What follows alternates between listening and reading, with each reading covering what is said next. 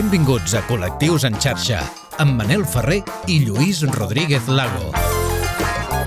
Què tal, com esteu? Benvinguts i benvingudes a la darrera edició del Col·lectius en xarxa d'aquesta temporada. Un programa especial que dediquem al mes, a la setmana i al Dia Internacional de l'Orgull LGTBIQ+.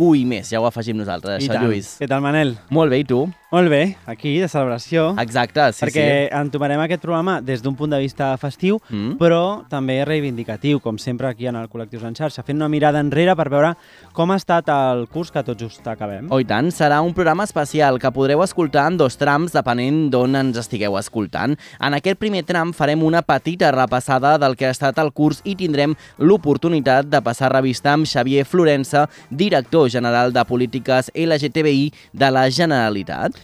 I en el segon tram tindrem l'oportunitat de xerrar, de xerrar amb Brigitte Lamour, el seu alter ego, en David Cano, i que actualment és una de les cupletistes més reconegudes a casa nostra. I per últim ens tornarà a visitar Íñigo Aduriz, cap de política del diario.es, amb el que vàrem xerrar a les eleccions municipals dies previs Mhm. i que eh, vam deixar enrere i que també ara doncs, ens torna a visitar per parlar de les generals i també que tenim ja molt a prop i a, gairebé a tocar. I tant. Avui, el Col·lectius en xarxa, La, festa, dels de colors. Estàs escoltant Col·lectius en xarxa. amb Manel Ferrer i Lluís Rodríguez Lago.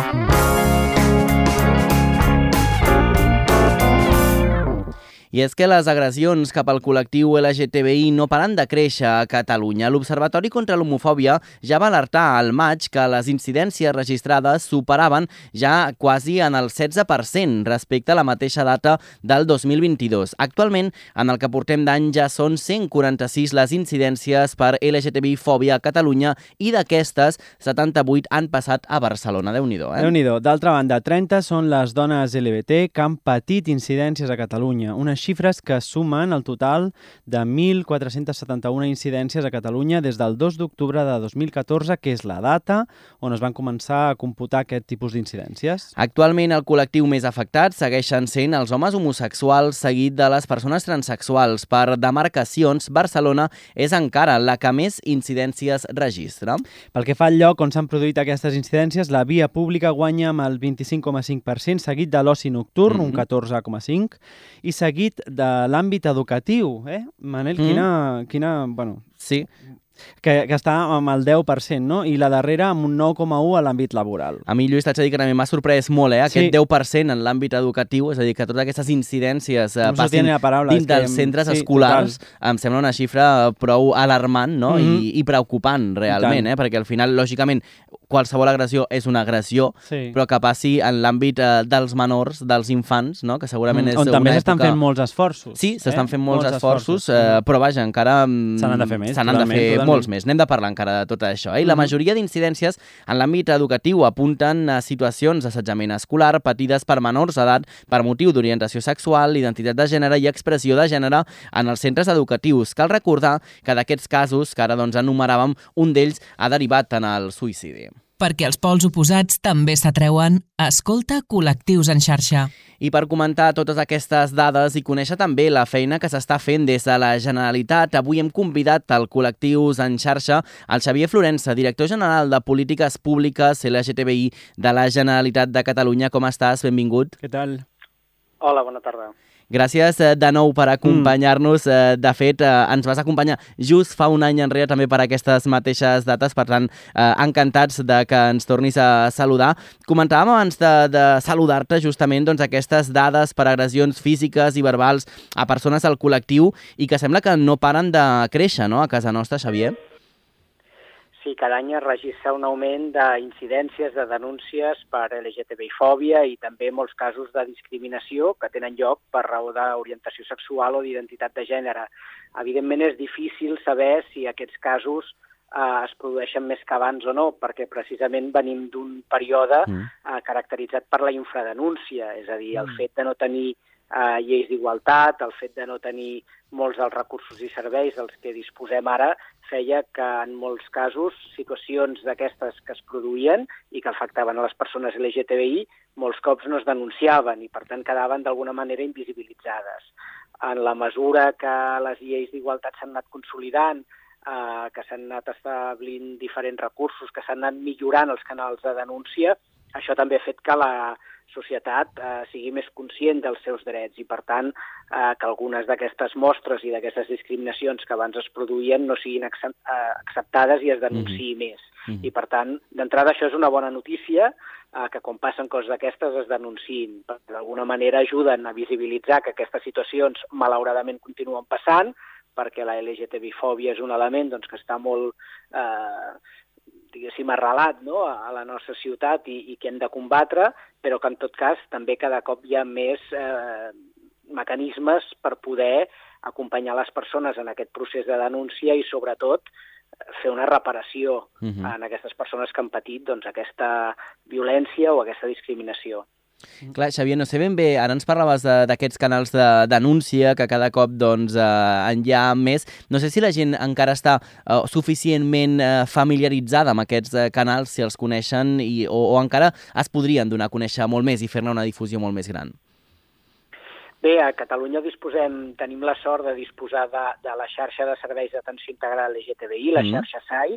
Aquests serveis són serveis especialitzats per les persones LGTBI, que no només doncs, fan tasca d'informació, d'acompanyament, de desplegament de polítiques públiques, sinó que també són uns serveis molt orientats a facilitar aquests processos de denúncia i, evidentment, Clar. acompanyar a totes les persones que, que els pateixen. Per tant, eh, qualsevol situació de LGTB-fòbia, eh, tant si és doncs, un delicte d'odi com si és una discriminació, a través de la xarxa SAI uh -huh. es pot vehicular aquesta denúncia. Evidentment, si és un cas eh, d'un delicte d'odi perquè hi ha hagut una agressió, una amenaça, etc etc, doncs això es deriva a Mossos d'Esquadra eh, i si no, doncs també tenim mecanismes per tramitar aquelles situacions de discriminació eh, per la via administrativa. I, per tant, a través de la xarxa SAI es facilita molt tot aquest canal de denúncia.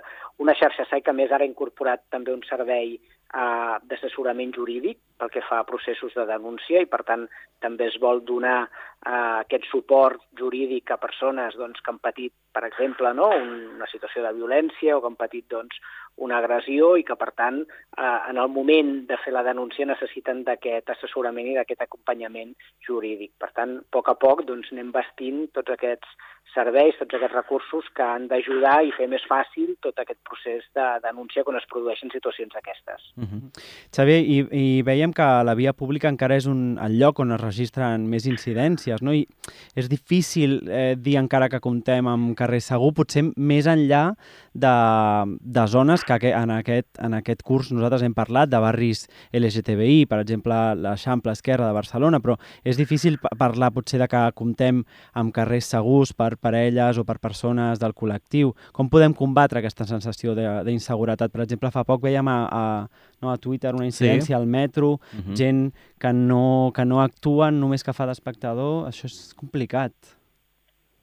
Bé, per això cada cop doncs, tenim protocols en el transport públic i, per tant, eh, en fi, no, facilitem també, o per exemple des de Mossos, no, també actualment hi ha una unitat eh, especialitzada en delictes d'odi, no? que també ajuda a resoldre doncs, moltes d'aquestes situacions i, per tant, situacions que hem vist no? on s'ha produït agressions aquestes, també al final les persones agressores han estat detingudes, per exemple. Per tant, és evident que encara tenim situacions de LGTB i fòbia eh, en el nostre espai públic, que evidentment ho hem de combatre, també amb la prevenció, és a dir, mm-hmm. totes aquelles polítiques i mesures que van destinades a la prevenció d'aquestes situacions són, moltes, són molt importants, però evidentment quan aquestes situacions es produeixen hem de tenir activats tots aquests mecanismes per, per facilitar doncs, la denúncia, per acompanyar a les persones que han patit aquesta situació i, evidentment, poder fer doncs, un, procés de reparació també cap a aquestes víctimes. Mm. També ens preocupa molt eh, totes aquelles incidències que es donen dins les aules, amb, amb el nou currículum no?, que es publicava a finals de, de setembre. Sembla que ens hi estem posant una mica, però encara, i també ho hem vist aquesta temporada, depèn, depèn molt de la voluntat de la persona docent que hi ha al davant d'aquella classe, no? d'aquell equip directiu i de la mirada que fan al centre. Què necessitem més a les escoles? Bé, a nivell de, de les escoles s'està fent un procés de transformació bastant profund, que és tot el projecte de l'aquaeducació, per tant, incorporar tot el que és eh, l'aquaeducació, no només com un element puntual, eh, com un taller doncs, que es fa un cop a l'any, sinó precisament incloure tot aquest àmbit en el currículum educatiu i, per tant, que es treballi des de tots els àmbits, amb totes les edats, eh, com un element troncal del currículum educatiu, adaptant també doncs, tots els materials didàctics i adaptant doncs, com s'explica tot aquest àmbit de l'ecoeducació doncs, a l'alumnat en funció també de, de la seva edat. Aquest és mm. una transformació que s'està fent, que és molt profunda. Eh, també Educació ha posat en marxa la USAF, que és una unitat mm. de suport a l'alumnat en situacions de violència, eh, on evidentment eh, es fa seguiment quan es detecta un cas d'assetjament, pel motiu que sigui, i per tant eh, es treballa conjuntament amb famílies, amb el centre, per poder gestionar i, evidentment, acabar amb aquesta situació d'assetjament. Una USAF doncs, que també està molt connectada amb la xarxa SAI i que, per tant, fem tot aquest treball amb xarxa per eh, millorar la detecció, però, sobretot, poder intervenir quan es detecta un cas com aquests. Per tant, és una realitat que continua existint, però creiem que a través d'aquest projecte d'aquaeducació i de totes aquestes eines que s'han posat en marxa, doncs, podrem tenir més eines, més mecanismes per poder combatre. Mm -hmm. Esperem eh, que sí. L'any passat, eh, com dèiem, al principi vam poder eh, doncs, conèixer algunes de les accions a les quals estàveu treballant en quant a polítiques públiques LGTBI a la Generalitat. Avui en dia, eh, en quines accions, en quins projectes esteu treballant? Estem treballant amb diversos projectes, abans explicava no, aquest servei d'assessorament mm jurídic doncs, que hem posat en marxa en situacions eh, de, de denúncia, també altres serveis associats a, a la xarxa SAI, i estem treballant també, ara aviat començarem la tramitació d'un avantprojecte de llei transcatalana que també el que vol és eh, incidir en aquesta garantia de drets de les persones trans i millorar eh, moltes de, de les polítiques públiques que es fan orientades a aquest col·lectiu, però sobretot eh, mirar d'erradicar moltes de les mostres de transfòbia que encara hi ha a la societat i que dificulten el dia a dia de les persones trans. Per tant, també és un projecte normatiu que, que començarem la seva tramitació en breu i que creiem que també serà molt important per culminar aquesta arquitectura normativa que hem fet de lleis d'igualtat, que són les que ens ajuden a desplegar polítiques públiques i sobretot a millorar no? i aprofundir en la garantia de drets a les persones, en aquest cas de les persones LGTBI. Mm. En Xavier, aquest any també aquí al col·lectiu hem parlat del retrocés ferotge, per exemple, que s'està vivint als Estats Units en relació a les polítiques LGTBI i a les polítiques feministes, una mica mmm, sense voler fer mals auguris, però veient una mica cap on podem a, a arribar a anar o quin, fins quin punt a, mm, una potència com els Estats Units pot influir en el nostre país o l'estat espanyol, no? Podríem patir nosaltres aquest tipus de, de retrocés és? Bé, no és només als Estats Units. A Europa veiem mostres de molts estats, alguns membres de la Unió Europea, que estan duent a terme polítiques que van clarament en contra els drets de les persones LGTBI i ho estem veient també a casa nostra amb la presència creixent de l'extrema dreta, dels grups antidrets i dels discursos d'odi que ens arriben eh, cada dia a través de mitjans de comunicació, de faristols en els parlaments uh -huh. o de xarxes socials. Per tant, eh, és el context en el que ens trobem ara mateix i, per tant, tenim el repte de fer aquesta aliança entre institucions, entitats, societat civil, per defensar uns drets que ha costat molt d'assolir, eh, que responen a molts anys de lluita de moltes persones, de molts col·lectius, perquè avui puguem viure en un àmbit i en un espai de drets i llibertats molt millor del que teníem eh, fa uns anys. I, per tant, si alguna cosa ens ensenya la història és que els drets eh, poden retrocedir si no els defensem dia a dia. I crec que aquest és el repte que tenim. I el, el blindatge d'aquests drets passaria per això, eh? per aquest pacte amb la societat civil, amb les, amb, la, amb les associacions, és per aquí per on passaria? Sí, de fet, Catalunya som un país que ha estat històricament capdavanter, que ha sigut mm. pioner en el desplegament de lleis d'igualtat, eh, que té un teixit associatiu eh, LGTBI i de molts altres col·lectius doncs, molt fort i, per tant, eh, tenim unes polítiques molt avançades en aquest sentit.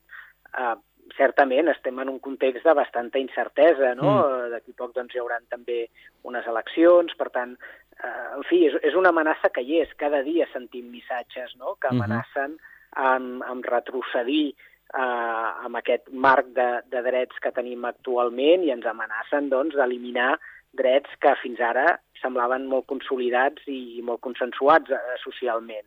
Per tant, d'alguna manera el que hem de fer és lluitar cada dia i poder garantir eh, tots aquests drets que, que hem anat assolint aquests anys i que, evidentment, són patrimoni de tota la societat i que contribueixen a que tothom visqui millor. Mm -hmm. Per mhm. tant, eh, no podem fer un pas enrere en aquest sentit. Mhm.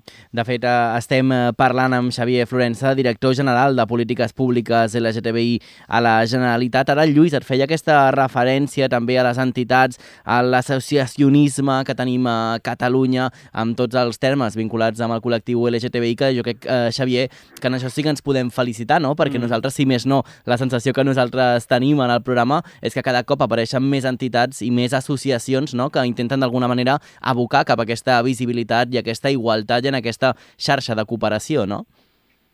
Sí, jo crec que tenim la sort de viure en un país que, des del punt de vista de polítiques públiques, abans parlava de la xarxa SAI, no? Mm. Uh, no hi ha gaires països al món que tinguin una xarxa de serveis especialitzats uh, en l'atenció de persones LGTBI que més estiguin distribuïts arreu del país. I penso que això és molt important, perquè al final uh, tota la ciutadania ha de tenir dret a accedir a uns determinats serveis, visqui on visqui, tant mm -hmm. si viu en una ciutat gran com si viu en un municipi petit. I això és el que hem fet en polítiques LGTBI i en tantes altres polítiques. I, evidentment, també l'existència d'aquesta xarxa, l'existència d'aquest teixit social, també el que fa és que cada cop més, a, a tot arreu del territori, doncs, vagin sortint entitats, vagin sortint iniciatives, i, per tant, aquesta setmana que ens trobem, no?, la setmana mm -hmm. de l'orgull LGTBI, doncs eh, l'orgull no només se celebri a Barcelona, com potser passava fa uns anys, no? Mm -hmm. sinó que en molts municipis del nostre país se celebrin doncs, actes. No? Ara mateix doncs, soc, soc a, a Terres de l'Ebre no? sí. i aquesta tarda celebrarem no? un acte institucional per, per celebrar el 28 de juny doncs, a, a Roquetes, no? aquí al, al costat de Tortosa. Per tant, a Roquetes, on, on a més fa unes setmanes eh, les entitats van organitzar també un, un orgull, no? una festa mm. de l'orgull. Per tant, crec que és molt positiu no? que arreu del territori sorgeixin iniciatives com aquestes que demostra que som un país viu, que també tenim un teixit social viu i sobretot eh, que el país té una gran voluntat també no? de, de fer valer aquests drets de promoure'ls i de defensar-los.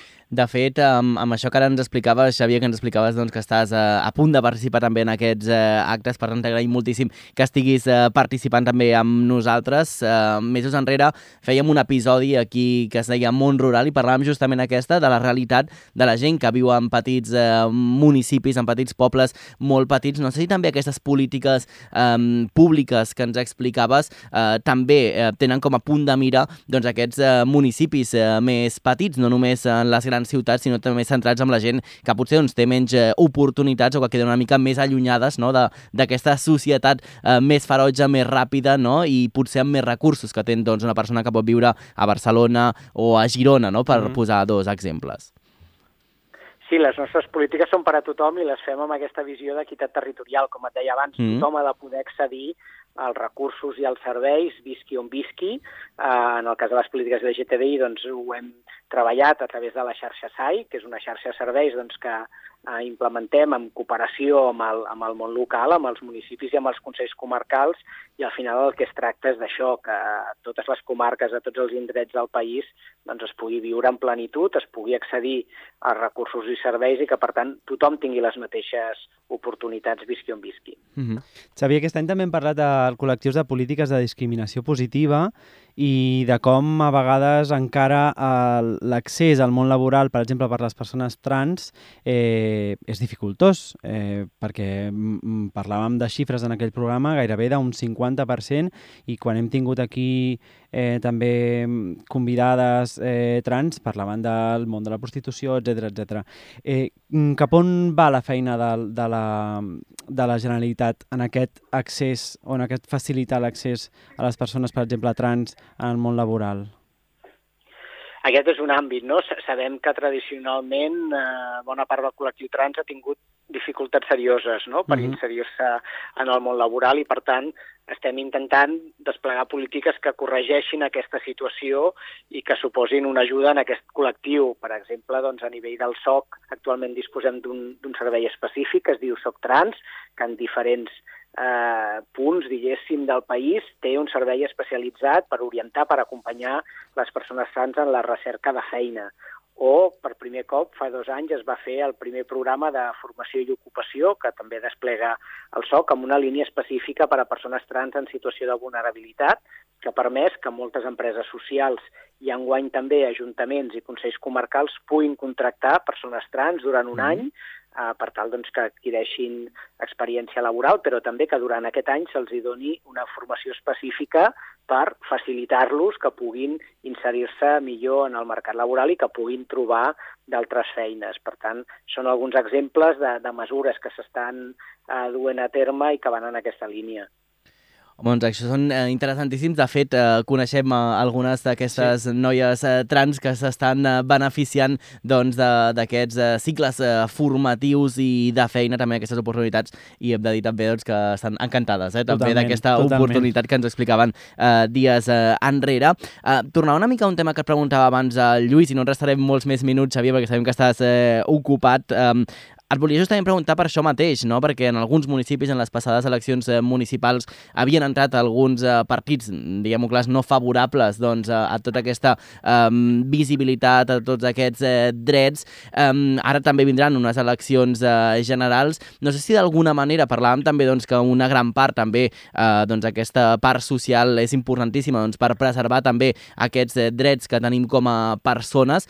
Eh, els ciutadans han de patir també doncs, per l'entrada d'aquests eh, partits d'extrema dreta a les institucions a l'hora de que es preservin els seus eh, drets, més enllà del que puguem fer nosaltres eh, a l'hora d'anar a votar i a l'hora d'implicar-nos també amb, amb la part social i amb les entitats. No sé si depèn moltíssim de qui mana també eh, doncs que hi hagin més o menys drets, més o menys subvencions, més o menys ajudes i més o menys recursos. Sí, això és evident. Cada partit no expressa quina és la seva voluntat, no? Cada mm. formació doncs, expressa quina és la seva voluntat. Algunes advoquen doncs, per ampliar drets i altres advoquen per tot el contrari. No? Per tant, és evident doncs, que el resultat d'unes eleccions influeix en aquest sentit. Uh -huh. Lluís, no sé si tens alguna pregunta per, més. Per acabar, jo diria sí. que ens, eh, si ens poguessis parlar de quins són els principals reptes que teniu ara eh, d'ara en endavant en matèria LGTBI. Evidentment, consolidar doncs, totes les polítiques que estem fent, tot el desplegament que estem fent de serveis arreu del territori, també explicar no, que enguany la campanya institucional de la Generalitat pel 28 de juny posa l'accent en les persones grans LGTBI, uh -huh, que sovint -huh. era un col·lectiu doncs, força invisibilitzat, fins i tot en l'imaginari, quan, quan parlem de persones LGTBI, a vegades oblidem també l'existència de persones grans LGTBI, que són moltes uh -huh. i que tenen, tenen doncs, les seves eh, necessitats i els seus reptes, no? i en aquest sentit també és una línia que estem treballant per poder eh, garantir que les persones grans LGTBI, que són generacions que han hagut de lluitar molt, que han tingut moltes dificultats per viure lliurement la seva orientació social, eh, sexual, la seva identitat de gènere, no? i que per tant eh, molts cops doncs, la seva sortida a l'armari o el fet de poder formar una família ho, ho han pogut fer molt, molt tard, doncs no es trobin que quan, quan, són, eh, quan es troben en la seva bellesa, no? quan han d'ingressar doncs, en un eh, equipament residencial, doncs aquestes persones han de tornar a l'armari. Per tant, mm -hmm. doncs, amb aquesta campanya també hem volgut expressar, en primer lloc, la gratitud cap a aquest col·lectiu, però sobretot també eh, la seva visibilitat. I crec doncs, que almenys en la campanya d'enguany ho, hem, ho hem aconseguit una miqueta. Uh -huh. Doncs uh, petites fites que es van uh, aconseguint, uh, que anem uh, lluitant. Jo crec que, sobretot, uh, Xavier, és important més enllà de les persones que formen part activament del col·lectiu, que la resta de la societat també s'impliquin, no? I es sentin part també doncs, aquesta evolució constant que hem, que hem de fer, no? Que s'impliqui tothom per igual. Mm, és una mica el que deies tu també, Xavier, no? Que quan adquirim drets, és drets per tothom, Clar. no? Uh -huh. Clar, evidentment, sempre, sempre ens agrada explicar eh, que quan fem polítiques LGTBI no les fem només per a les persones LGTBI, sinó que les polítiques LGTBI millora la, milloren la vida de tothom. General jo crec que les polítiques feministes o les polítiques adreçades a qualsevol col·lectiu. Per tant, en la mesura que vivim en una societat on es garanteixen els drets de tothom més justa, més equitativa, no només afecta col·lectius tradicionalment discriminats, sinó que al final eh, millora la qualitat de vida de tothom. I el que s'ha demostrat cada cop no, que s'aprovaven lleis d'igualtat és que aquestes lleis tenien la capacitat de donar drets a persones que abans no en tenien, de Mhm. millorar mm -hmm. les seves condicions de vida, però que no han suposat que ningú perdés drets. Exacte. Uh -huh. Doncs Ah, i, això és- Per tant, eh, sí, sí. em sembla una, una evidència tan gran, no? i crec que ho hem anat eh, veient doncs, a, al llarg de la història, que evidentment eh, no podem tornar a un país en blanc i negre, no podem tornar a qüestionar drets i consensos socials doncs, molt, molt amplis i, evidentment, eh, hem de continuar avançant Mhm. en aquestes polítiques de drets i llibertats per a tothom. Doncs això és importantíssim i al final, eh, Xavier, t'hem d'agrair també, Xavier Mm. Florença, director general de Polítiques Públiques LGTBI de la Generalitat, eh, doncs això, eh, que sempre que et truquem, eh, Sí. malgrat doncs, tota l'agenda i totes les coses que tens per fer, doncs, que sempre tinguis aquesta mm, disposició de poder parlar amb els mitjans de comunicació i participar també doncs, en programes com el nostre. Moltes gràcies per haver passat avui per al nostre programa. Encantat, a disposició sempre que vulgueu i moltes gràcies. Que vagi molt bé fins Vagi bé. la propera. Uh, gràcies. Nosaltres ara escoltarem música, però no encara um, Carles Soler, que per cert ja aprofitem per saludar-lo, sí. perquè el Lluís és mestre docent i ell s'ha fet com les seves notes, Bueno, algunes notes, alguns les- conceptes uh, de coses importants que t'has marcat, Lluís, d'aquesta conversa que hem tingut amb el Xavier Re, Florença. no, li he anat preguntant, eh? Li he anat Mhm. preguntant. Eh, bàsicament, a, a, a, això que hem dit durant aquesta temporada, eh, que, que és veritat que les escoles està fent una feina, però que encara hi ha la sensació... bueno, que a les escoles hi ha molts fronts oberts, Mhm, això per mhm, començar, sí. això no ho podem deixar, deixar enrere, que aquest és un altre i és molt important, però tots són molt, molt importants, l'atenció a la diversitat en general és molt important, Mhm. però bé, ara és veritat que tenim aquí a Catalunya un currículum, també penso que pioner, que, que els altres no, les altres comunitats, per exemple, no, no la tenen, no? que posa el feminisme, la coeducació a, a, també en el centre de, de tot, però és veritat que encara cal que, que no depengui de la figura d'aquí, Mhm. del, no? de, la- de l'adult que tens davant De la predisposició de de la l'adult, no? predisposició d'aquest adult o de- d'aquest equip directiu que es, es promoguin polítiques eh, o Mhm. polítiques o actuacions eh, de coeducació en els centres educatius. Clar, de fet, això parlàvem ara de mm, eh, l'ensenyament de l'educació dels eh, menors. Eh, també ens parlava el Xavier Florença dels, eh, de la gent gran, no? la gent de la Mm. tercera eh, edat. I hi ha hagut un tema que se m'ha quedat guardat i justament aquesta pregunta li he fet de manera intencionada perquè escoltava una entrevista que li feia l'altre dia el president del govern, a Pedro Sánchez, que li preguntaven al programa de Jordi Évole Ai. i li deia, justament li deien, si entra a governar la dreta i l'extrema dreta, què passarà amb tots aquests recursos, aquestes subvencions, aquestes ajudes, aquestes campanyes que es fan? I ell diu, no, nosaltres destinem aquests diners, però clar, això al final acaba sent cada comunitat, cada municipi, eh, cada diputació que s'ha d'encarregar de Mm. tirar endavant aquestes polítiques. És a dir, que pot ser que eh, arribi un moment que tot quedi a la mà de ningú, no? I que es Exacte. deixin de fer I Que coses. es deixin de fer coses, sí, sí. Um, I bàsicament era aquesta mateixa pregunta portada a Catalunya, Mm. fet al Xavier Florença, i no m'he quedat tranquil del tot perquè no, m'ha i anat a aquesta- portar mira, justament allà no. mateix. I aquesta lluita la tinc... Jo, jo després ho, ho voldré parlar sí, amb sí. l'Íñigo, eh? Mm. però aquesta lluita la tinc jo a Twitter cada setmana amb aquesta gent que està eh, pan, eh, promovent aquesta abstenció de cara al 23 de juliol. Clar, hem d'anar a votar. Hem d'anar a votar. Voteu amb cap, a qui vulgueu, amb cap, Exacte. si us plau. Parlarem amb la Brigitte Lamour d'aquí una estona, Ah, parlarem sí. amb l'Íñigo Aduriz. Per tant, eh, no us desconnecteu. No. Ens seguim escoltant en aquest programa especial que estem fent de la festa amb colors, però ens donem una petita pausa amb Aitana. Molt bé, perfecte. Doncs vinga. Todas mis nenas dicen que la vida es buena, buena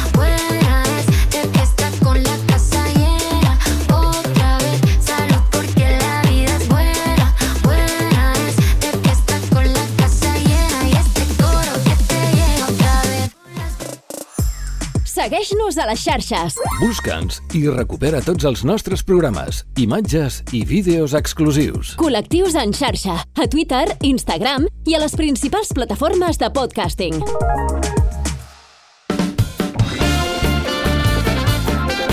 I en aquesta festa radiofònica, en aquesta festa del podcast, també podríem dir en colors, no volíem deixar tampoc de portar un punt de fantasia, de color Sí. i també de bon rotllo, Lluís. Per això hem volgut convidar a connectar-se a la Brigitte Lamour, una de les cupleteres més tops i reconegudes de casa nostra. Com estàs, Brigitte? Ai, nen, quina introducció. Home, Sí, amb alegria. Nen, sóc l'emperatriu de Catalunya, eh? Escolta'm, justament dir? això, perquè nosaltres tenim molt clar qui ets, perquè ens segueixes a les xarxes, al col·lectius, ens segueixes a nosaltres també, però per qui no et conegui, qui és la Brigitte? Doncs mira, una servidora, a banda de que és emperadriu de Catalunya, Sí. soc copletista, presentadora, periodista, però sobretot el que m'agrada més destacar és activista social. Molt bé. Que bé. Activista social que calen. Brigita, Molt- molta calen, gent que faci calen activisme. més activistes socials que emperatrius, també t'ho dic. Exacte, sí, sí. Però, o Cal sigui, gent que, bé. que s'involucri, que s'involucri i ho fas eh, molt bé. De fet, eh, ens has donat aquestes pistes, però sempre que pots et sumes a aquesta lluita contra la Sí. i apostes per aquesta visibilitat. Eh, com pot l'art i la cultura, que són dos camps que coneixes molt bé, combatre les diferències que es fan amb la gent del col·lectiu? Com poden també, es pot fer activisme a través de la cultura i de l'art? Doncs mira, falta una pota que no has dit, Mm? que com, com allò en castellà que és estrevede, saps Sí. el que és l'estrevede? No? Jo tampoc. Què és? No ho sabeu, No. però No. perquè sempre heu d'aprendre de, les, de les velles Veus? com una servidora. L'estrevede en castellà és el, els tres peus en català. Ah? Que l'estrevede és aquells ferros que és rodó amb tres potes que es posen a les llars de focs per després, si vols, cuinar a sobre. Ah, Ah, val, vale, val, val, val. Ara ja heu Ara sí. una coseta de l'emperadriu de Catalunya. Mira, bé, sempre s'aprèn, sempre s'aprèn. I quina és la pota que falta? Quina No, és la pota? La pota? Sí, la pota que faltava, perquè com us he explicat això de Mm. l'estrevede, ja se m'han anat, la que, la que falta és l'idioma, la llengua, la llengua Clar, catalana. Clar. Mm? Perquè sempre reivindico també, perquè molta gent em pregunta com és que ho faig els espectacles en català, i bueno, doncs és al revés, no, ho- no ho veig d'una altra manera, tot i que jo m'adapto a tot i, i mm. sé Mm. molts idiomes i tant de bon sàpigui més, no? Clar. Però hem de començar per fer, la meva feina és donar veu als que no en tenen. Llavors aprofito al revés, Mhm. a, a, re, a, a través dels espectacles, amb la meva llengua materna i a la meva terra, doncs d'on veu a la gent que no en té. I és, és molt compatible i és molt necessari. A més, com a transformista que Sí. soc, no m'oblido mai de qui ens va precedir, perquè gràcies a, la, a lo que jo estic fent ara han passat vexacions, empresonaments, fins i tot la mort de tota aquella gent que va voler un món millor. Doncs Mm. hem de ser agraïdes Totalment. i donar-los veu Oh, a tant. tothom que no en té i sobretot les noves generacions com vosaltres, no us oblideu d'on venim, però hem d'estar en el camí, totes juntes. Llavors, jo ho tinc molt fàcil i has de ser, has de ser agraïda i ho combino doncs, a la que puc, a la que em doneu un micro com esteu fent ara i donar-me l'oportunitat, Mhm. sempre reivindico i sempre dono veu als que no en tenen. Mhm. Doncs això és importantíssim, eh, que passi, eh? Nosaltres aquest any hem fet un programa de lligar en català, Brigita, perquè sàpigues. Ah, oh, i Hombre, Quants han lligat, nen? Quants han lligat? ah, no ho sabem. això. Exacte, no, no, no, no. Ens ho han explicat Ens han també com es explicat fa. com ho fan, Sí, sí. com ho fan, eh, i és veritat ah, que... que... explicar com ho fan? Clar, veure. sí, sí, sí. I que està de moda lligar Ah, en sí. català, que queden per parlar de tot, d'un llibre, d'una pel·lícula, del que sigui, i a vegades inclús s'enamoren i triomfa l'amor, Brigita. Sí, sí, sí, però no canvieu de tema. Què vol dir que us expliquen? Us explica les relacions que han tingut? No, no, no, No, home, les no, no, relacions no. no, Ah. però no expliquen com, com es coneixen entre ells, com Sí, funciona. Convidar, a veure, vam sí. convidar una associació... Sí, sí. Ah, Sí, Home, no, sí, no, tot- no, tot- com Tot molt blanc. No, no, no, No. no. no, no. no ens Ah, expliquen... Clar, no ens expliquen com s'enlliten, això no, de, no, no, No. no, Ah. no hi ha tanta complicitat com perquè ens expliquin Tampoc com ho vole- no funciona. sabem si ho no, volem saber, no, no? no ho sabem, no ho sabem, no ho Ah, ja sabem. arribarà, ja arribarà, no patiu. Ja Bueno, arribarà. Suposo que coneixeu una plataforma que es diu Treu la Llengua. Aquests són els que ens van Aquests són els que acompanyar. vam, sí, sí, aquests sí, vam, sí. van ser convidats al programa. Sí, sí, ens van explicar Ah. com va funcionar tot i Ah. com van començar. Sí, sí, sí. Sí, sí. però és curiós que tingui que ser un tret diferencial quan hauria de ser Clar. normal. no? És Exacte, això sí és que ens ho trobava. Bueno, per, per ara, això ho vam mira, dir. Mhm. Ara anem a la- a l'antagònic, això, que és l'ultradreta, no? Estem Ui. blanquejant aquí la ultradreta Mm. d'una manera... Bueno, a mi m'ha petat la goma de la faixa. Cada dia que escolto una Sí. notícia, la d'avui ha sigut la bomba. Mhm. A més, tenia, li tenia una mica de carinyo a la senyora Guardiola, Sí. que clar, jo només pel cognom vaig pensar, mira, aquesta és catalana, és la, la presidenta d'Extremadura. D'Extremadura. Sí. mhm. Doncs clar, escolta, quin gir de guió. Donde dije digo, digo Diego. Sí. Ara, Sí. quina pena, perquè tot això és el que... Mira, tenim la sort de ser lliures nosaltres, però que aprofiti l'ultradreta, la democràcia, Mm. per colar aquest discurs Mm. Mm, amb diner públic, mhm. ara és culpa nostra per la desafecció política, eh, nens? Sí, és veritat, és Perquè veritat. això estem agafant una volada... Digue-ho, digue-ho. Fa És molta por. No, si ja, és que ja està, si ja ho he dit. Perfecte. Mhm. Escolta, Brigitta, eh, entre Vale, moltes ja, altres sí. feines, eh, has fet i fas molta televisió. Com creus, sí, que, sí, sí. sí, com creus que influeix la política en la llibertat d'expressió i en els continguts que s'hi fan? Doncs mira, totalment, però torno a repetir, ah- ahir vaig estar he tingut la sort de conèixer molts polítics Uh -huh. i molta gent que fa política, que és diferent, eh? En Mm, recordeu-te, sí, sí. polítics i gent que fa política. Els polítics són els que, uh, uh, mira, que han, han, han, han comprat un carnet i porten tota la vida només fent això. Mm. I en canvi els que fan política vull creure que és de vocació i de servei a la comunitat. I ahir precisament vaig estar amb un alcalde d'un poble que es diu Mas Pujol, Sí. en el, en el Baix Camp, a Tarragona, que van fer una preciositat d'orgull en, en, en miniatura, perquè són 800 habitants, com un carinyo. Que bé. I llavors, li, ahir quan me'l van presentar, clar, és que són poquets habitants, Mm. i el primer que van fer és poder-me presentar al, a l'alcalde, no? I llavors em van dir, aquest és el que mana. Davant d'ell, Mm. la servidora ha dit, no, perdoneu, manem nosaltres, mana el poble, Clar. nosaltres els hi donem la gestió, no us oblideu mai d'això. Mm. I ell ho va celebrar i m'ho va dir, diu, és que és així, no? Doncs la tele, i no ens oblidem mai que la política, la política la fem nosaltres amb el nostre dia a dia. Mhm. El mero fet de com avui, tota aquesta gent que ens està escoltant, Mm. o quan anem a comprar i decidim on anem a comprar aquell pa, on anem a comprar aquella verdura, allò és fer política. Totalment d'acord. Decidim amb els nostres diners on volem invertir-los. Doncs els mitjans de comunicació és una pena, és una pena que siguin dirigits per polítics, Clar. no per classe política, eh? Mm per polítics, perquè, fill, què saben de cultura si és l'únic que volen és el seient? I una servidora ho ha patit, perquè jo he estat 8 anys treballant a la televisió pública, a BTV, la televisió pública de Barcelona, Uh -huh. i per decisió política van tancar els tres programes que havien de cultura, els tres, la Mhm. cartellera, l'Àrtic i la família Barris. Mm. Llavors, clar, quina pena, ens Clar. apartem de cultura a la boca quan arriben eleccions, com ara aquest mes, nens, aquest mes, tot és de color de rosa i tot és d'art de Sant Martí, Mm. empreses que són homòfobes, Mm. Sí, sí. empreses que són homòfobes, que amb els seus diners estan fent campanyes molt potents, es venen armes... Bueno, fill, és que no em vull posar de mal humor. Vinga, va. Mira, no, mira, justament et volia preguntar per, per això, perquè durant Sí. sí. molt de temps, eh, també com a crític de tele, havia celebrat i havia felicitat molt a BTV no, per la programació que feien, també per al paper que tu jugaves, eh, Brigitte, Sí, al final sí. com una de les cares visibles Sí. eh, dins Sí. de BTV, que acomodava a la pluralitat, no, amb les campanades mítiques Sí, que vas fer senyor. que passaran a la, a la història, i una cosa que jo felicitava perquè pensava que sortia de la norma i que era un bon camí que estava seguint una televisió pública, Mm. municipal, de cop i volta va ser el que es va encarregar de cop. És veritat que la gent es va queixar, es va manifestar, però semblen aquestes coses, Brigitte, no sé si tens la mateixa sensació, que la gent es queixa durant uns dies i després tot això passa, s'oblida, va molt ràpid i, i, i, i, i no queda res no, de tot allò, més enllà del record que ens pugui quedar dels vídeos, de les fotos, però passa molt ràpid tot també, no? I també els polítics Ai. juguen amb això, amb la rapidesa que passen aquestes coses. Ai, Manel, per favor, té, que m'acabes d'emocionar. Mol, sí, moltes gràcies, perquè és veritat, i s'ha de ser agraïda, que us ho he dit al principi. Mm. S'ha de ser agraïda.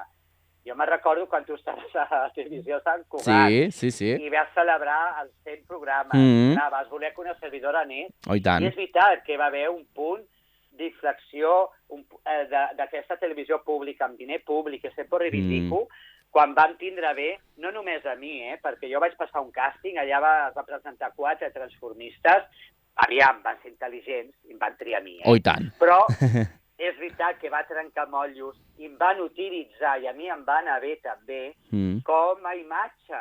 Mm. Me'n recordo aquelles primer, a, a, a la primera rua de, de, que vaig fer del, del, del, dels Reis, la primera cavalcada Sí. de Reis, va, va ser quan a Madrid va haver tanta polèmica perquè dintre de la rua havia una carrossa que era de la diversitat, Mm. portada per unes noies drag queens molt conegudes a Madrid, però que elles anaven vestides d'animalons, de fantasia, no anaven Mm. vestides de drag queens. Hi va haver molta polèmica amb aquella frase tan maleïda d'aquella política que va dir no te lo perdonaré nunca, Mm. Carmena. Sí. I sí, clar, sí. va haver tota aquella polèmica i a mi em van posar la primera, la primera d'aquella rua, d'aquella car aquelles carrosses de cavalcada Sí. de Reis, Mhm. els nens, la gent gran, la primera persona que veien era una servidora. No va haver cap polèmica, al revés. Va ser preciós, allò ho guardaré sempre al meu cor, Mm. però és que després em van trucar de la televisió de Galícia, d'Andalusia, d'Euskal Televista, com a exemple de, de normalitat. Que bé. Clar. Que Que bé. Després ho vaig tornar a fer l'any passat, no, fa un parell d'anys, una altra vegada, aquest cop a la cavalcada una altra vegada de, de Barcelona, i al cap d'un mes, el 18 de febrer, ens van fer fora a tots i a totes. Fixa't. I és veritat, es va plenar la plaça Sant Jaume. Grans periodistes de tots els mitjans de comunicació, el, el món de la cultura, el món de la dansa, tot. Mm. Van venir, vam omplir aquella plaça, però és veritat que el dia següent... Però mira, també al final, fill, el dia següent tothom s'oblida, però perquè ja veieu, vosaltres que treballeu Clar. a mitjà de comunicació, les notícies es solapen una, una darrere l'altra. Mhm. I això no, n- mira, no ho podem parar, és un motor que va així. Ara, sí que és veritat que hem de mirar les notícies, s'han de contrastar i s'ha de valorar d'on venen els mitjans, perquè hi ha molta gent que només es dedica a crear notícies falses. És veritat. I llavors això també és cosa nostra, però és que tenim molta feina, nen. Jo em quedo amb lo positiu. I tant. Una, van ser molts anys de felicitat, va ser un trampolí molt gran. Jo mm. sempre he sigut molt formigueta, jo només doc gràcies. Però sí que és veritat que, clar, oblidem, bueno, no ens queda més remei, sí, perquè tampoc es pot viure del record, sí saber d'on venim, Clar. però no del record. I sempre endavant, nen, sempre Oh, endavant. que sí. Oh, tant que sí. Eh, Brigitta, i, i en uns dies, com tu parlaves ara, no? d'aquest mes que tenim aquí al davant, aquesta celebració, nosaltres ara reivindicarem i demanem, demanarem poder ser tal com som, però en el teu cas, explica'n, tu vas tenir fàcil des del principi? Doncs mira, sóc molt afortunada. He tingut molta sort, molta, molta, molta. Mira, partint de la base que jo mai he estat a dins d'un armari perquè no he tingut temps, és que no he tingut temps, i ara m'agradaria anar-hi, eh? M'agradaria anar-hi positiu. A mi, Ja. no, no, no, m'agradaria anar perquè ha d'haver tanta gent a dintre d'aquells armaris que em sap greu. També és veritat que no tenim cap obligació, ningú té cap obligació, Mm. de fer-nos a fora dels armaris Mm, a qui vulgui ser-hi i tampoc cap obligació de sortir si una persona no vol. Clar perquè sí. conec molta gent que ho han passat molt malament, sobretot d'altres generacions, però malauradament encara ara, perquè no ho tenim fàcil. Mhm. Els que no hem estat mai dintre d'un armari o els que hem sortit, tenim molta sort de poder-ho haver-ho fet, però hi ha molta gent, i m'estic trobant gent jove que Mm. malauradament sí, sí. tal com està tot, prefereixen no dir-ho. Fa molt poquet em vaig trobar un noi molt jovenet, eh, italià, i em va vendre a felicitar en un acte, i jo em vaig quedar molt sorpresa, bueno, fa poquet, en el Memorial de la Sida, que cada any es fa eh, en els jardins d'aclimatació, bueno, un acte molt maco, Mm. mm. per, per fer memòria de tota la gent que es va deixar malauradament Mhm. per, per la sida. Doncs va venir un noi Mhm. molt jovenet italià a felicitar-me, es va posar a plorar i em va dir que quina sort ser lliure, perquè a Itàlia, que està aquí al costat, Sí. eh? Sí, sí, sí, coneixem, està aquí al coneixem. costat, Mm. no poden sortir de l'armari, no poden. Clar. Aquest noi treballava com vosaltres amb una ràdio Mhm. i, a, i a un mitjà de, de, de comunicació públic i no pots fer-ho públic. Va dir que no s'atrevia, que Clar. érem molt valents nosaltres de poder-ho fer. I llavors, jo he tingut la sort que no he tingut mai cap problema. Partint de la base d'aquesta, de que Mm. jo no he estat mai en un armari, però és que als vuit anys que he estat a la televisió fent carrer sense guió, Oh, un cop només em vaig trobar, bueno, dos coses, em vaig trobar amb un mini conflicte. Un va ser gravant en una plaça a Gràcia, que crec que precisament era la, crec que va ser la plaça de la Revolució. Mm. Com jo, el meu do és que som molt ràpida, verbalment, i som molt Mhm. àgils, som molt ràpides, el meu do. Ja m'agradaria cantar i ballar com la Shakira, però no ho tinc, aquest do. Llavors, el meu és l'agilitat. Em va passar que un noi va passar per darrere meu i em va dir amb accent, no vull dir rus, Mm. mm. vull dir amb un accent del, de, però crec que era rus. Sí. Vale. No vull dir-ho, eh? No. No vull dir-ho. Però amb aquell accent em va dir que no, si no em feia vergonya Mm. anar com anava, i hi havia uns nens jugant per allà, i li vaig dir que vergonya era el seu país, que no sabia el que era la llibertat i la democràcia. Això ràpid. Fixa't. I el segon cas va ser en el Fort Pienc, davant de l'estació del nord, i hi havia un, dos senyors jugant a la petanca, un fatxa però autèntic, era el torrente d'allà del Fort Pienc, Mm. i l'altre pobret era d'aquells, al revés, tot a l'inversa, d'aquells independentistes, Mm. amb, amb el llaç, bueno, Sí. pobret ho tenia tot. Llavors, es van discutir entre ells perquè el fatxa va dir que quina vergonya, que me tendrían que detener, Sí. encarcelar, i l'altre que que guapa que si m'asseia la falda. Llavors, què va fer la, una servidora? Es va sentar al mig del dos, dels dos i va dir, bueno, quan us aclareu, ja m'ho direu, ja està, ho vaig solucionar, però afortunadament no m'he trobat cap, mai cap problema, mai. Doncs, Brigitta, nosaltres no podem fer res més que agrair-te de nou, I eh, que tant. hagis passat aquests minuts amb nosaltres eh, Ja. per al Col·lectius en xarxa. Ja està, però escolta, fem una No cosa. Parlar. No, mira, fem una cosa, que avui com va tot molt ràpid, si et sembla, la propera temporada, perquè tornarem, et dedicarem tot un programa a parlar Ai, sí, amb tu. Què et sembla? apuntat. Mira, nens, això m'ho apunto a l'agenda. No, dia apuntat. Apuntat. Ja ho Apuntadíssim. sabeu, el dia que comenceu? Encara no ho sabem, però jo ja ho saps, jo t'envio un WhatsApp i vens Sí, aquí amb nosaltres i passem l'estona i fem un, un, una bona conversa, et sembla? Sí, perquè tinc moltes cosetes i tinc una primícia que donar-vos, però això serà la propera temporada. Ah, val, Perfecte. doncs ens la guardem, aquesta privícia. Brigitta, Us moltes gràcies. pista Quina? només. Digue'm, digue'm. En comptes de mirar-me un pla d'assegurances, Sí? m'he fet empresària. Aquest Oh. és el titular. Ostres. Empresària. doncs va, la propera temporada ja tenim la primera convidada, D'amor, tant, moltes, moltes gràcies. gràcies. Que vagi bé. Bon estiu! Bon Fins estiu. ara. Adéu. adéu. Perquè els pols oposats també s'atreuen, escolta Col·lectius en xarxa. I avui hem, també hem volgut convidar el col·lectius a l'Iñigo Adúriz, cap de la secció política del diario.es, amb el que ja vam parlar abans de les eleccions del 28M. Avui l'hem volgut tornar a trucar per recollir impressions de les eleccions passades i també per veure com es planteja no, les eleccions del juliol, d'on sortirà un nou president o presidenta del govern espanyol. Benvingut, Íñigo, què tal? Hola, muchas gracias. Bien hallado. què tal? Primer de tot, quina valoració fas tu de les municipals del passat mes de maig? Bueno, pues yo sí que creo que se confirmó como una suerte de, de giro, digamos, a- hacia posiciones más conservadoras.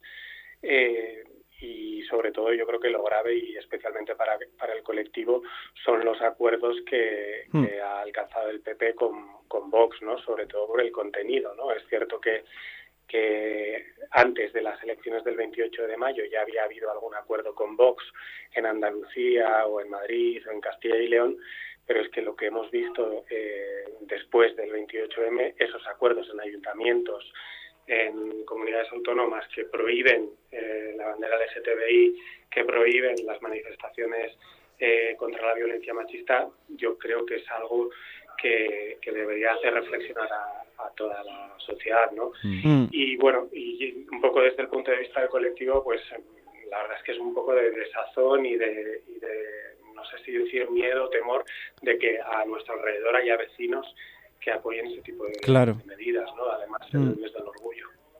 I mira, jo en relació a això, eh, jo et volia preguntar, perquè vaig sentir fa, fa poc, i no sé on ho vaig sentir, eh, Manel? No sé si ens ho van Sí, dir aquí o sí. què, que a vegades les polítiques d'esquerres poden anar un pas per davant de la societat, però si van cinc passos per davant, la gent ja no ho entén.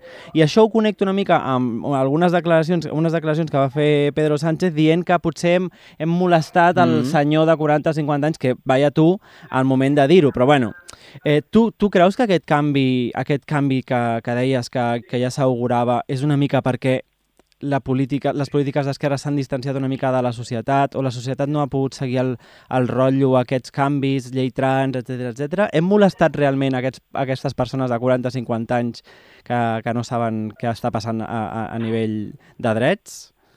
Bueno, a mí las declaraciones de Pedro Sánchez al respecto, la verdad es que me parecen eh, completamente fuera de lugar. Total. Y sí, es cierto que, que todos los avances en igualdad siempre molestan a un mismo colectivo, siempre, Claro. y es al machismo.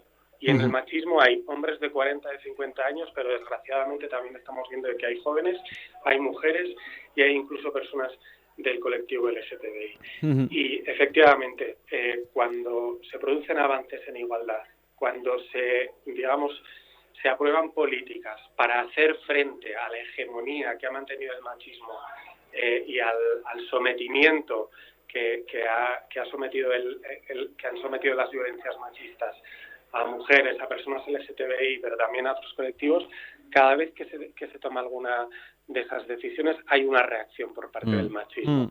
Y además, mm, yo creo que por lo que hemos eh, leído y hemos hablado con, con diferentes expertos, la respuesta del machismo suele ser eh, cada vez más furibunda, cada vez más radical.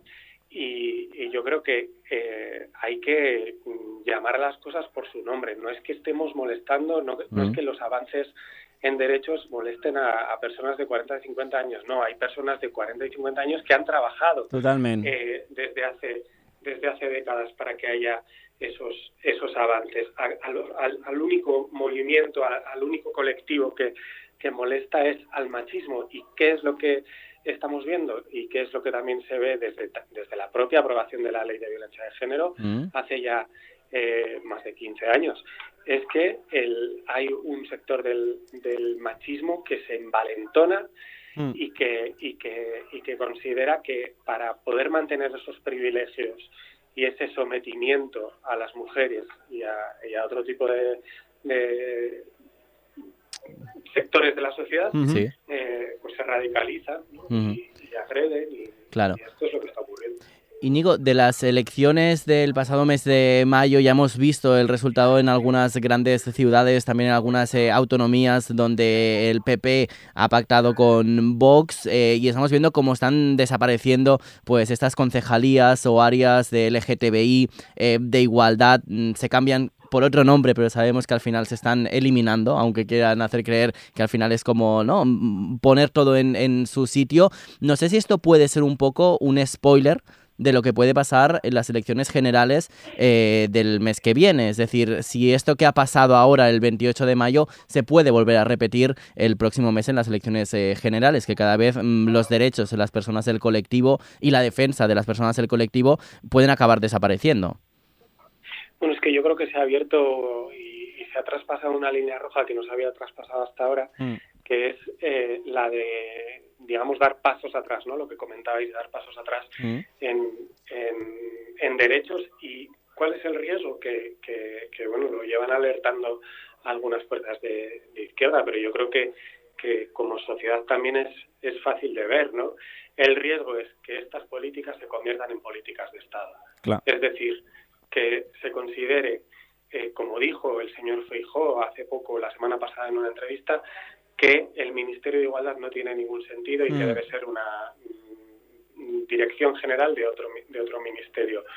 Eh, claro, cuando están asesinando a mujeres, cuando está se están incrementando los delitos de odio, etcétera, claro, eh, mm, defender que no es necesario un Ministerio de Igualdad, hacer desaparecer las consejerías o, las, o los departamentos de igualdad, LGTBI, etcétera, ¿eso qué significa?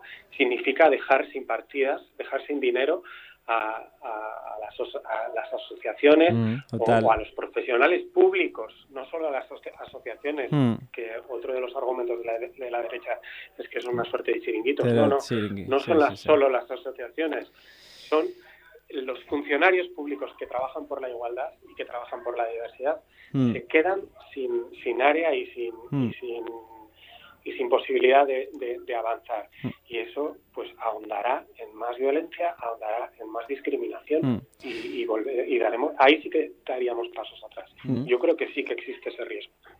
Bueno, jo crec que és una declaració de guerra en tota regla i que lo de València clama al cel, però vamos, Sí. uh, per tot, per tot. Llavors, eh, llavors, aquí a Catalunya estem vivint un moment polític, Íñigo, en el que estan fructificant moviments com l'absten- l'abstenció massiva, perquè, bueno, de cara a les pròximes a, a, a eleccions generals, perquè diuen de, d'així fer reaccionar els partits independentistes. Però com pot afectar aquesta abstenció als resultats de les pròximes generals? Bueno, yo creo que es una estrategia muy vieja, ¿eh? Y es ¿Verdad? una estrategia muy vieja de la extrema derecha y de la derecha. Claro, siempre que, que se promulga la abstención, ¿quiénes son los que hagan? Los de siempre. Claro. En, el, en el caso del Estado, el PP. ¿Por qué? Porque se movilizan, porque tienen una fidelidad de voto de unos sectores determinados que esos sí que no se abstienen, que siempre van a votar. ¿Cuál es el riesgo de la abstención? Normalmente que las fuerzas progresistas, las fuerzas eh, que abogan por eh, el avance en derechos sociales, que esos votantes se queden en casa. Mm. Y además, eh, estas estrategias se, se hacen en, en lugares concretos, al menos en Madrid, eh, que es donde yo vivo, y eh, también en, en Euskal Herria, que, que es también donde he crecido, se hacen en, en zonas eh, las más humildes, las, donde vive la gente más trabajadora, donde se puede encontrar la frustración más fácilmente porque eh, tienen más dificultades para salir adelante. Y en Madrid lo estamos viendo, hay una suerte de predicadores de, de- de evangelistas en, este, en estas zonas más obreras que abogan por la abstención. ¿Por qué? Porque eh, de esa manera se garantizan los privilegios de los de siempre y esas personas que pueden sentirse más frustradas dentro de la sociedad encuentran, digamos, como una explicación y dicen, no, no, eh, eh, la, toda la culpa es de los políticos, todos son iguales y no vamos a votar. Bueno, pues haciendo eso, eh, desde luego se, se, se los privilegiados. Doncs moltes gràcies, Íñigo Durit, de Gràcies. nou per tenir-te i per la predisposició que sempre mostres per, per col·laborar amb nosaltres, de veritat. Gracias a vosotros y feliz verano. Gràcies, Igualment. fins la propera. Uh, nosaltres uh, marxem. A veure, ràpidament, uh, per no menjar-vos molt de temps, ens acomiadarem desitjant-vos un bon estiu, demanant-vos un cop més que voteu a qui vulgueu, però, si us plau, amb sentit crític, que us cuideu molt. Marxarem Sí. escoltant Epic Solete de Detallets, una cançó que fa estiu i que ens serveix també per reemplaçar-nos, escoltar-nos a nou al proper curs. Que recuperin els programes que vulguin, que els tenen tots a la que xarxa. se'ls emportin a la platja, Exacte. on vagin de vacances, es Mhm. queden a casa també. 97 programes? 97 programes Teniu portem. feina, eh? Um, hem de, ràpidament, donar les gràcies al Carles Soler Piqué que ens Sí. ha acompanyat, al Marcel CC també que ens ha acompanyat en algunes d'aquestes entregues, a la Gemma Ponce, al Com- Lluís Rodríguez Lago, en jo Manel com a Manel, Ferrer. li dono les gràcies al Lluís uh, per la feina que fem. Mm, Diem feina perquè ens implica feina. Sí. Ho fem um, amb molt de carinyo, a Amb canvi de carinyo. de molt poc monetàriament, però personalment ens eh, reporta un benefici personal, no? Uh, Sí, compartir aquest programa, estar amb el Lluís, veure'l aquí, amb, amb, amb fer amistat i fer xarxa, no? Mm. I que aquest programa serveixi a molta gent Exacte. i que estigueu a l'altra banda. Per tant, gràcies a tots els que formeu part de la família del Col·lectius en xarxa Mhm. i tornarem després de vacances. Vinga. Que vagi molt bé. Adéu. Apa, adéu. Un